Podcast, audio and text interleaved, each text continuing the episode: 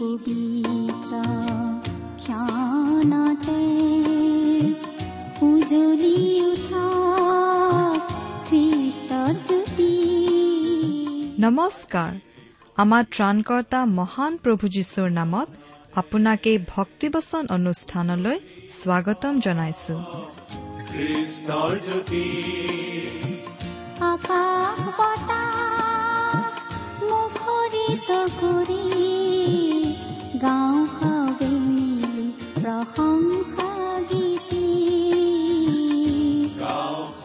এয়া মুকলি কৰিছো। ঈশ্বৰৰ জীৱিত বাক্যৰ ধাৰাবাহিক অনুষ্ঠান ভক্তি বচন।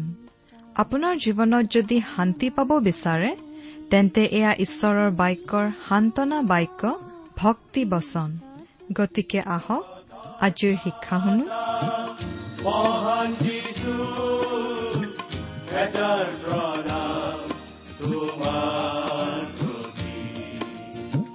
গ্ৰহণ কৰাই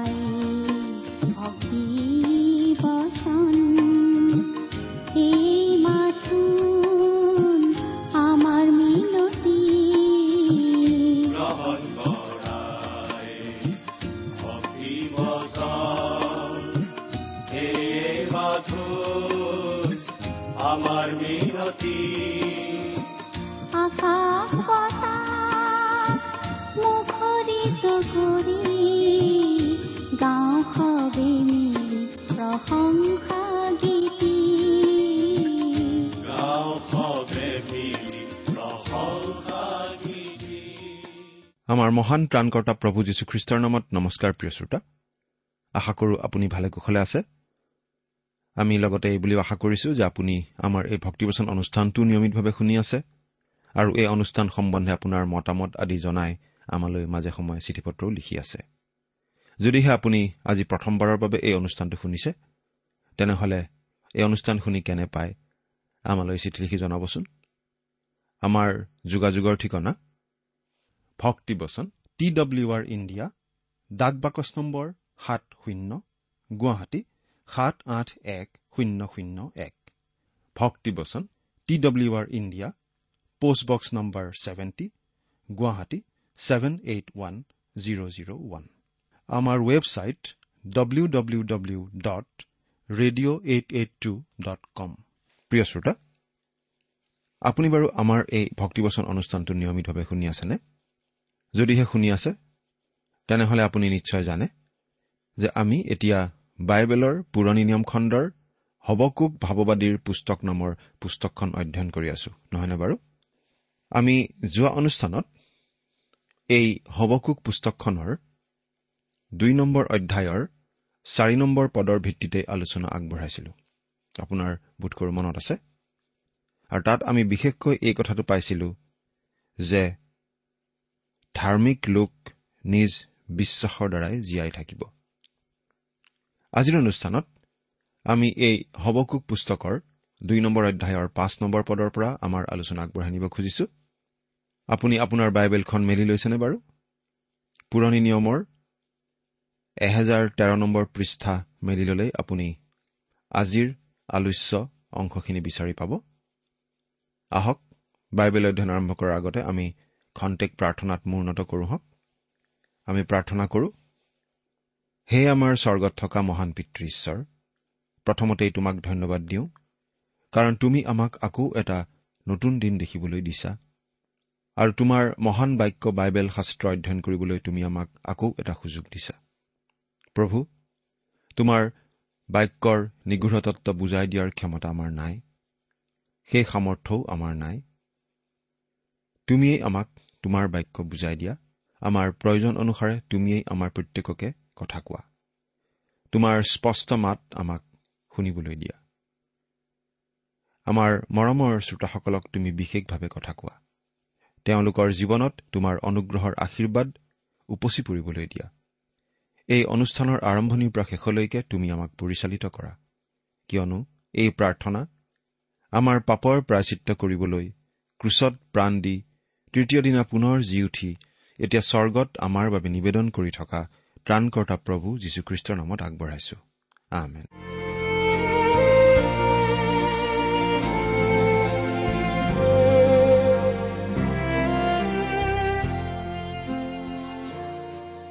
প্ৰিয় শ্ৰোতা আমি ইতিমধ্যেই পঢ়িবলৈ পালো দুই ধৰণৰ মানুহৰ বিষয়ে। মণ্ডলোকৰ মন সৰল নহয়। অৰ্থাৎ মণ্ডলোকৰ কথা। আৰু দ্বিতীয়তে ধাৰ্মিকজন বিশ্বাসৰ দ্বাৰাই জীয়াই থাকিব অৰ্থাৎ ধাৰ্মিক লোকৰ কথা। যিহুদী লোকসকলৰ মাজত চলি থকা পাপৰ শাস্তিস্বৰূপে ঈশ্বৰে বাবিলনীয়াবিলাকৰ দ্বাৰা তেওঁলোকক যুদ্ধত পৰাস্ত হ'বলৈ দিব আৰু বাবিলনীয়াবিলাকৰ হাতত সেই যিহুদী লোকসকলক বন্দী হৈ যাবলৈ এৰি দিব। আৰু তাৰ প্ৰসংগতেই এইবোৰ কথা হবকুক ভাৱবাদীক ঈশ্বৰে জনাই দিছে। এতিয়া আমি যিসকল মন্দ লোক যিসকলৰ মন সৰল নহয় সেই লোকসকলৰ কি দশা হ'ব সেই কথা চাওঁ হওক। এতিয়া আমি দেখিবলৈ পাম কিছুমান দুখ কষ্টৰ কথা। সেই দুখ কষ্টবিলাক সেই মন্দ লোকসকলৰ বাবেই ঘটিব। আৰু এই দুখ কষ্টবিলাকৰ কথা কোৱা হৈছে। যিহুদা দেশ সমূলঞ্চে ধ্বংস কৰিবলৈ আহিবলগীয়া সেই বাবিলনীয়াবিলাকৰ প্ৰসংগত। এই যি দুখ কষ্টবিলাকৰ কথা ইয়াত উল্লেখ কৰা হৈছে সেইবোৰ অতি সুশৃংখল আৰু পৰিপাটিভাৱে উপস্থাপন কৰা হৈছে। আন কোনো কথাই কিজানি ইয়াতকৈ সুশৃংখলভাৱে বৰ্ণোৱা হোৱা নাই। এই ক্লেশবিলাক তিনিটা তিনিটা পদৰ পাঁচটা দফাত বৰ্ণনা কৰা হৈছে। এতিয়া আমি বাইবেলৰ পৰা পাঠ কৰি যাম। হবকুক দুই নম্বৰ অধ্যায়ৰ পাঁচ নম্বৰ পদটো প্ৰথমতে পাঠ কৰি দিম। যদিহে আপোনাৰ লগত বাইবেল আছে চাই যাব নহলে অনুগ্ৰহ কৰি মন দি শুনিব। পাঠ কৰি দিছো হবকুক দুই নম্বৰ অধ্যায় পাঁচ নম্বৰ পদ। তদুপৰি দ্ৰাক্ষাৰস বিশ্বাসঘাতক। গৰ্বিলোক ঘৰত নাথাকে। কাৰণ তেওঁ চিউলৰ নিচিনাকৈ নিজৰ অভিলাষ বৃদ্ধি কৰে। তেওঁ মৃত্যুস্বৰূপো তেওঁ তৃপ্ত নহয়। তেওঁ তেওঁৰ ওচৰত আটাই জাতিক গোটাই আৰু তেওঁৰ গুৰিত আটাই লোকবিলাকক একত্ৰ কৰে। তদুপৰি দ্ৰাক্ষাৰস বিশ্বাসঘাতক। ইয়াত তেওঁ বাবিলনীয়াবিলাকৰ বিষয়ে কৈছে। সেই সময়ত বাবিলনীয়া সাম্ৰাজ্য বৰ বেছি বিশাল হোৱা নাছিল। দানিয়েল ভাৱবাদীৰ দিনতহে সেই সাম্ৰাজ্য অতি বিশাল হৈ উঠিছিল। প্ৰথম দুখটো আঙুলিয়াই দিয়া হৈছে এই বুলি যে তেওঁলোকে মদ খাই বিশ্বাসঘাতকতা কৰে আৰু তেওঁলোক অতি অহংকাৰী। গৰ্বী লোক ঘৰত নাথাকে।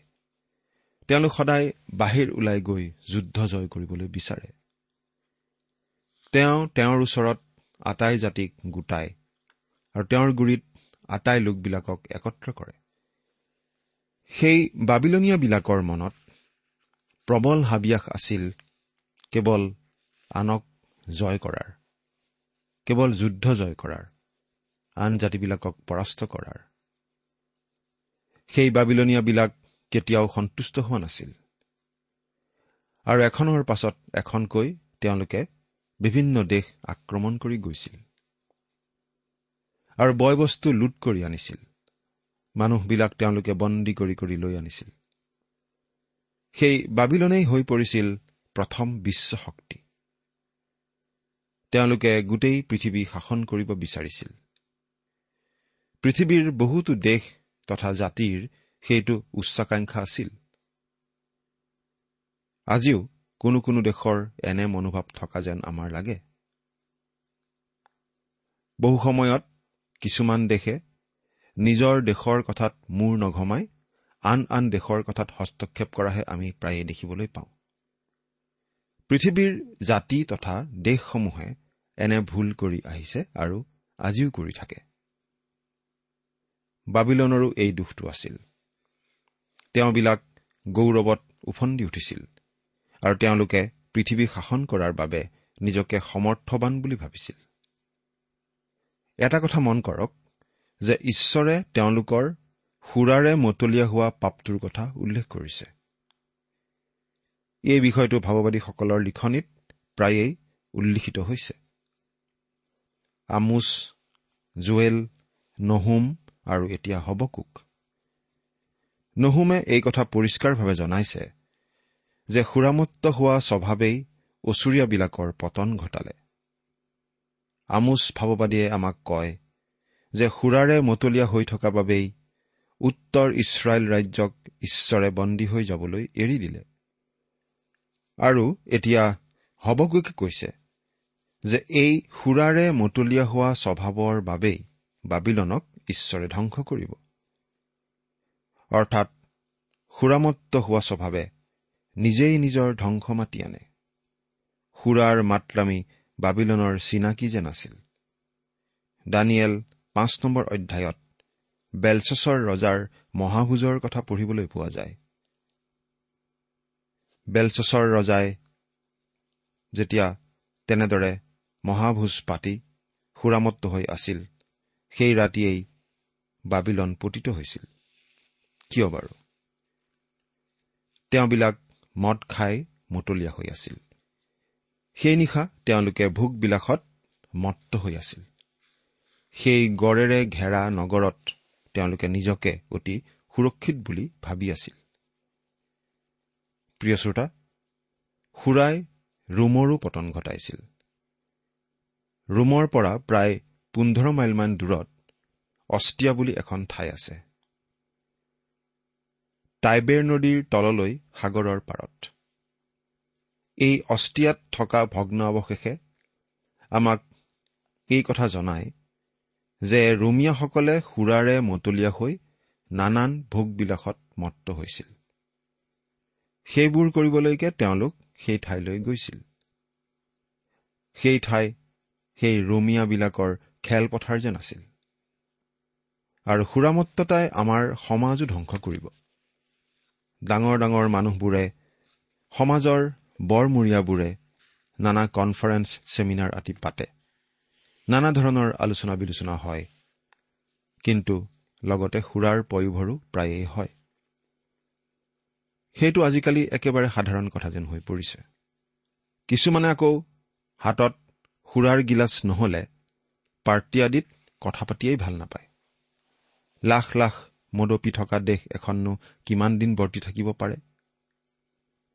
এই হবকুক নামৰ সৰু পুস্তকখনত ঈশ্বৰে আমাক এই কথা জনাই দিছে যে সুৰামত্ততাই গৰ্বৰ জন্ম দিয়ে আৰু সুৰামত্তজনক নৰক বা চিউলৰ নিচিনা কৰে অৰ্থাৎ সকলো গিলি পেলাবলৈ মন যোৱা মানুহ যেন কৰে। হিতুপদেশ পুস্তকখনত এই কথাটো এনেদৰে কৈছে পাঠ কৰি দিম চাবচোন। হিতুপদেশ ত্ৰিশ নম্বৰ অধ্যায়ৰ পোন্ধৰ আৰু ষোল্ল নম্বৰ পদ। জোকৰ দুজনী জীয়েক আছে। সিহঁতে দে দে বুলি চিঞৰে। কদাচিতো তৃপ্ত নোহোৱা তিনিটা বস্তু আছে। এনেকি জুৰিব বুলি নোকোৱা চাৰিটা আছে। চিউল বাজিৰ গৰ্ভ পানীত তৃপ্ত নোহোৱা ভূমি আৰু জুৰিব বুলি নোকোৱা জুই। চিউল বা কবৰ। আৰু এইটো তালিকাৰ প্ৰথমতে আছে যিটো কেতিয়াও সন্তুষ্ট নহয়। হবকুকেও একেধৰণেই কৈছে। তেওঁ চিউলৰ নিচিনাকৈ নিজৰ অভিলাষ বৃদ্ধি কৰে। এৰা সেই বাবিলনীয়াবিলাকে অনবৰতেই তেওঁলোকৰ সীমা বঢ়াই গৈছিল। ক্ৰমে ক্ৰমে তেওঁলোক অগ্ৰসৰ হৈ গৈ আছিল। যুদ্ধ জয় কৰি কৰি শত্ৰুক পৰাস্ত কৰি কৰি ৰাজ্য বিস্তাৰ কৰি কৰি তেওঁলোক কেতিয়াও সন্তুষ্ট হ'ব পৰা নাছিল। তেওঁলোকৰ আকাংক্ষা কেতিয়াও পূৰণ হোৱা নাছিল। তেওঁলোকৰ লোভ অনবৰত বৃদ্ধি পাই গৈ আছিল। এতিয়া সেই বাবিলনৰ ওপৰলৈ আহিবলগীয়া পাঁচটা তাৰণাৰ কথা ঈশ্বৰে জনাই দিয়া আমি দেখিবলৈ পাম। ছয় নম্বৰ পদটো পঢ়ি দিম। হবকুক দুই নম্বৰ অধ্যায়ৰ ছয় নম্বৰ পদ। এই আটাইবোৰে তেওঁৰ অহিতে এটি গীত গাবলৈ তেওঁৰ বিৰুদ্ধে এটি বিদ্ৰূপজনক নিগৃঢ় বাক্য প্ৰকাশ কৰিবলৈ ধৰি এই কথা নকবনে? যি নিজৰ নহয় তাৰ দ্বাৰাই নিজকে বৃদ্ধি কৰোতাজনৰ সন্তাপ হ'ব। কিমান কাল থাকিব? আৰু বন্ধক দ্ৰব্যেৰে নিজকে বুজাই দিওঁতাজনৰ সন্তাপ হ'ব। প্ৰথম তাৰণাটো হৈছে বাবিলনৰ বিৰুদ্ধে। এটি বিদ্ৰূপজনক নিগৃঢ় বাক্য। কাৰণ তেওঁলোকে বলেৰে সেই সকলোবোৰ আনৰ পৰা কাঢ়ি লৈছিল যিবোৰ আচলতে তেওঁলোকৰ নিজৰ নহয়। এই আটাইবোৰে তেওঁৰ অহিতে এটি বিদ্ৰূপজনক নিগৃঢ় বাক্য প্ৰকাশ কৰিবলৈ ধৰি এই কথা নকবনে? এই আটাইবোৰে মানে খুব সম্ভৱ সেই দেশবোৰৰ কথা কোৱা হৈছে যিসকল দেশ বাবিলনৰ আগ্ৰাসনৰ বলি হ'ব লগা হৈছিল। আৰু বন্ধক দ্ৰব্যেৰে নিজকে বুজাই দিওঁতাজনৰ সন্তাপ হ'ব। সম্পত্তি কিনি ন্যায়সংগতভাৱে অৰ্জন কৰাটো বেলেগ কথা কিন্তু বলেৰে আনৰ পৰা কাঢ়ি লোৱাটো বেলেগ কথা। এই বাবিলনীয়াবিলাকে অধিক পাবলৈ বিচাৰি যিবোৰ নিজৰ নহয় তেনেবোৰ বস্তু বলেৰে কাঢ়ি লোৱা বাবে ঈশ্বৰে তেওঁলোকৰ দুখ ক্লেশ সন্তাস হ'ব বুলি ঘোষণা কৰিছে। আমি জানো যে মানুহে নিজৰ কপালৰ ঘাম মাটিত পেলাই জীৱিকা উপাৰ্জন কৰিব লাগিব বুলি ঈশ্বৰে জনাই দিছিল। প্ৰিয় শ্ৰোতা যদি আপুনি কষ্ট কৰি আপোনাৰ জীৱিকা অৰ্জন কৰি থকা নাই তেনেহলে নিশ্চয় আন কোনোবাই আপোনাৰ কাৰণে সেই কষ্ট কৰি আছে। বাবিলনীয়াবিলাকে তেওঁলোকৰ সলনি আনে কষ্ট কৰাটো বিচাৰিছিল। আৰু তেওঁলোকে বলেৰে সেইবোৰ কাঢ়ি লৈছিল। আৰু সেইটো প্ৰথম সন্তাপ। সেই কামৰ কাৰণে ঈশ্বৰে বাবিলনক সুধবিচাৰ কৰিব। সেই কাম তেওঁ ধাৰ্মিক আৰু ন্যায়বান বাবেই কৰিব। সাত নম্বৰ পদ। যিবোৰে তোমাক কামুৰিব এনে লোক অকস্মাতে নুঠিবনে? আৰু যিবোৰে তোমাক ক্লেশ দিব এনে লোকে সাৰ নাপাবনে? আৰু তুমি সিহঁতৰ পক্ষে লুটদ্ৰব্য নহবানে? তুমি সিহঁতৰ পক্ষে লুটদ্ৰব্য নহবানে? মানুহে যি বয় তাকেই দাবলৈ পায়। এই নীতিমতেই এইটো হ'ব। ঈশ্বৰে কৈছে তুমি আন কাৰোবাৰ পৰা কাঢ়ি আনিছিলা গতিকে আনে তোমাৰ পৰা সেইবোৰ কাঢ়ি নিব। আৰু সঁচাকৈয়ে মাদিয়া পাৰ্চীবিলাক যেতিয়া শক্তিশালী সাম্ৰাজ্য হৈ উঠিছিল তেতিয়া তেওঁলোকে বাবিলন দখল কৰিছিল। ৰাতি বাবিলন নগৰৰ মাজেৰে বৈ যোৱা ইউফ্ৰেটিছ নদীখন কাটি আন দিশে বোৱাই দিয়া হৈছিল।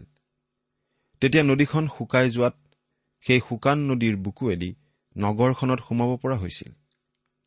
মাদিয়াবিলাকৰ সেনাপতি গব্ৰী আছে এদল বিশাল সৈন্য লগত লৈ সেই শুকান নদীৰ বুকুৱেদি নগৰখনত ৰাতি মনে মনে সোমাই অতৰ্কিতে আক্ৰমণ কৰি নগৰখন অধিকাৰ কৰিছিল। আঠ নম্বৰ পদটো পঢ়ি দিম। তুমি অনেক জাতিক লুট কৰাৰ কাৰণে লোকবিলাকৰ আটাই অৱশিষ্ট ভাগে তোমাকে লুট কৰিব।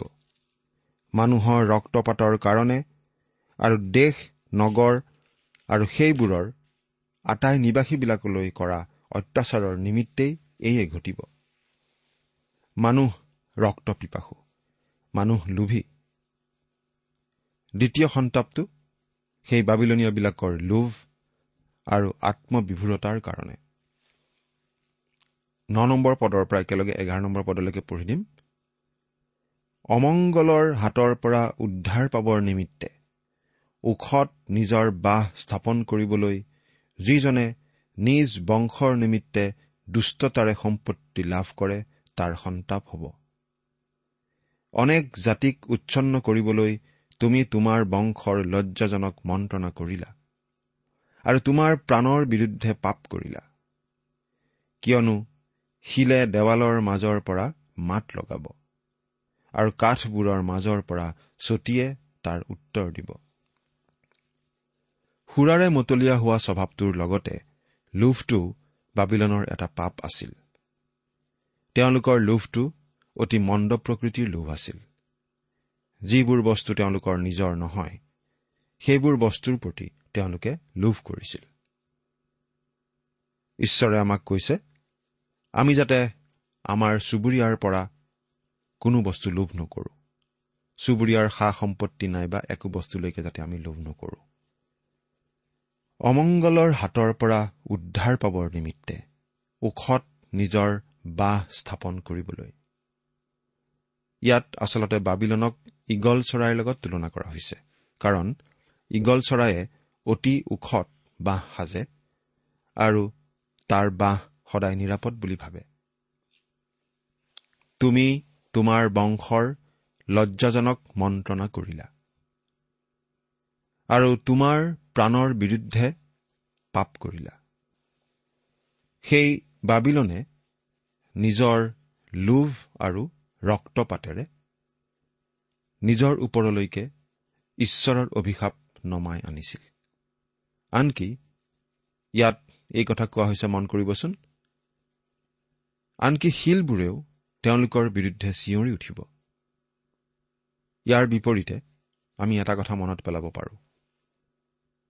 প্ৰভু যীশুখ্ৰীষ্ট যেতিয়া গাধৰ পিঠিত উঠি জিৰচালেমলৈ গৈ আছিল তেতিয়া জিৰচালেমৰ আলিয়ে আলিয়ে মানুহবিলাকে হাতত খেজুৰ পাত লৈ তেওঁক অভ্যৰ্থনা জনাইছিল আৰু তেওঁৰ প্ৰশংসা কৰি হুচান্না হুচান্না গীত গাই আছিল।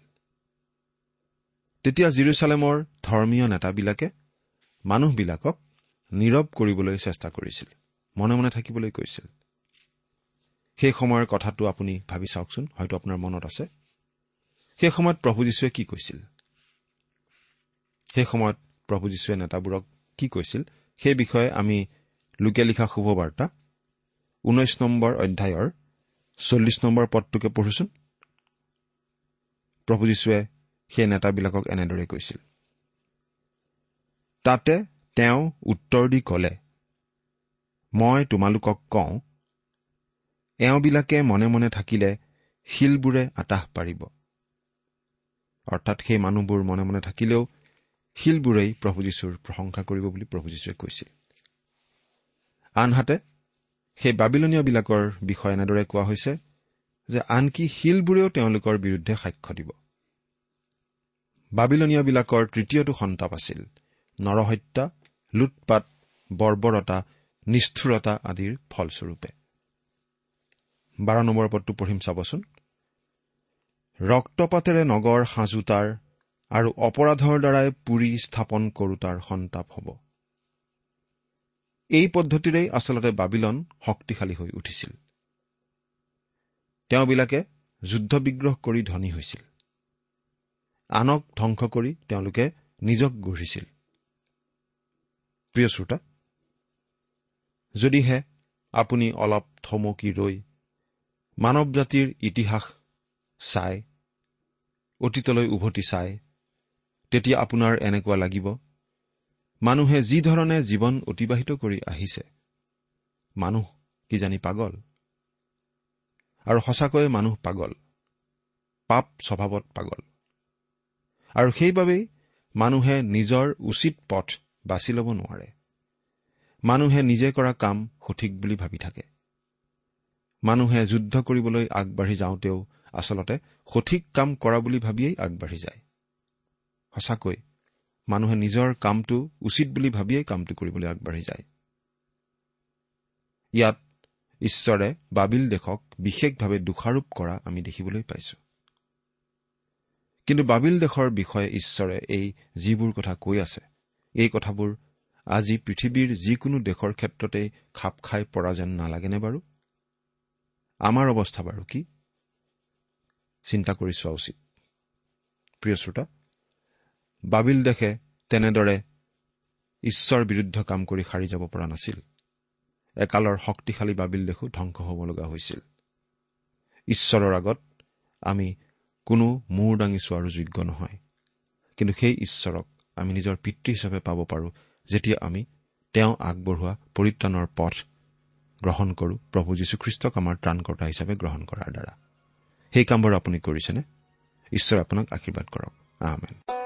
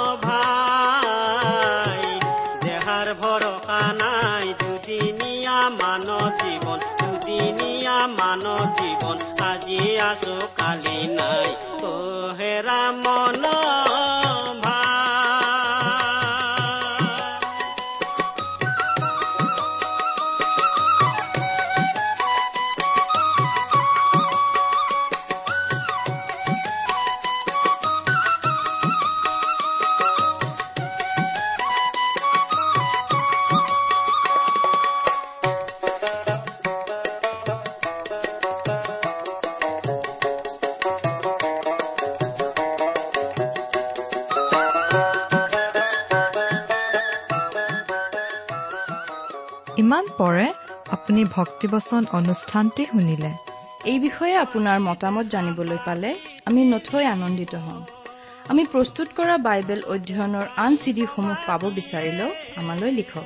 অনুষ্ঠানটি শুনি কেনে পালে আমালৈ চিঠি লিখি জনাবচোন? অনুষ্ঠানত প্ৰচাৰ কৰা কোনো কথা বুজিব লগা থাকিলেও আমালৈ লিখক। আমাৰ ঠিকনা? ভক্তিবচন ট্ৰান্স ৱৰ্ল্ড ৰেডিঅ' ইণ্ডিয়া ডাক বাকচ নম্বৰ সাত শূন্য গুৱাহাটী সাত আঠ এক শূন্য শূন্য এক। ঠিকনাটো আৰু এবাৰ কৈছো ভক্তিবচন ট্ৰান্স ৱৰ্ল্ড ৰেডিঅ' ইণ্ডিয়া ডাক বাকচ নম্বৰ সাত শূন্য গুৱাহাটী সাত আঠ এক শূন্য শূন্য এক। আমাৰ ইমেইল এড্ৰেছটো হৈছে S M Z T T B at the rate radio' eight eight two dot com. আমাৰ ৱেবছাইট ইন আপুনি টেলিফোনৰ মাধ্যমেৰেও আমাক যোগাযোগ কৰিব পাৰে আমাৰ টেলিফোন নম্বৰটো হৈছে শূন্য তিনি ছয় এক দুই ছয় শূন্য চাৰি ছয় সাত এক ফোন নম্বৰটো আকৌ এবাৰ কৈছো zero' three six one two six zero' four six seven one আজিৰ অনুষ্ঠানটি ইমানতে সামৰিছো ঈশ্বৰৰ শান্তি আৰু অনুগ্ৰহ আপোনাৰ লগত থাকক। ধন্যবাদ।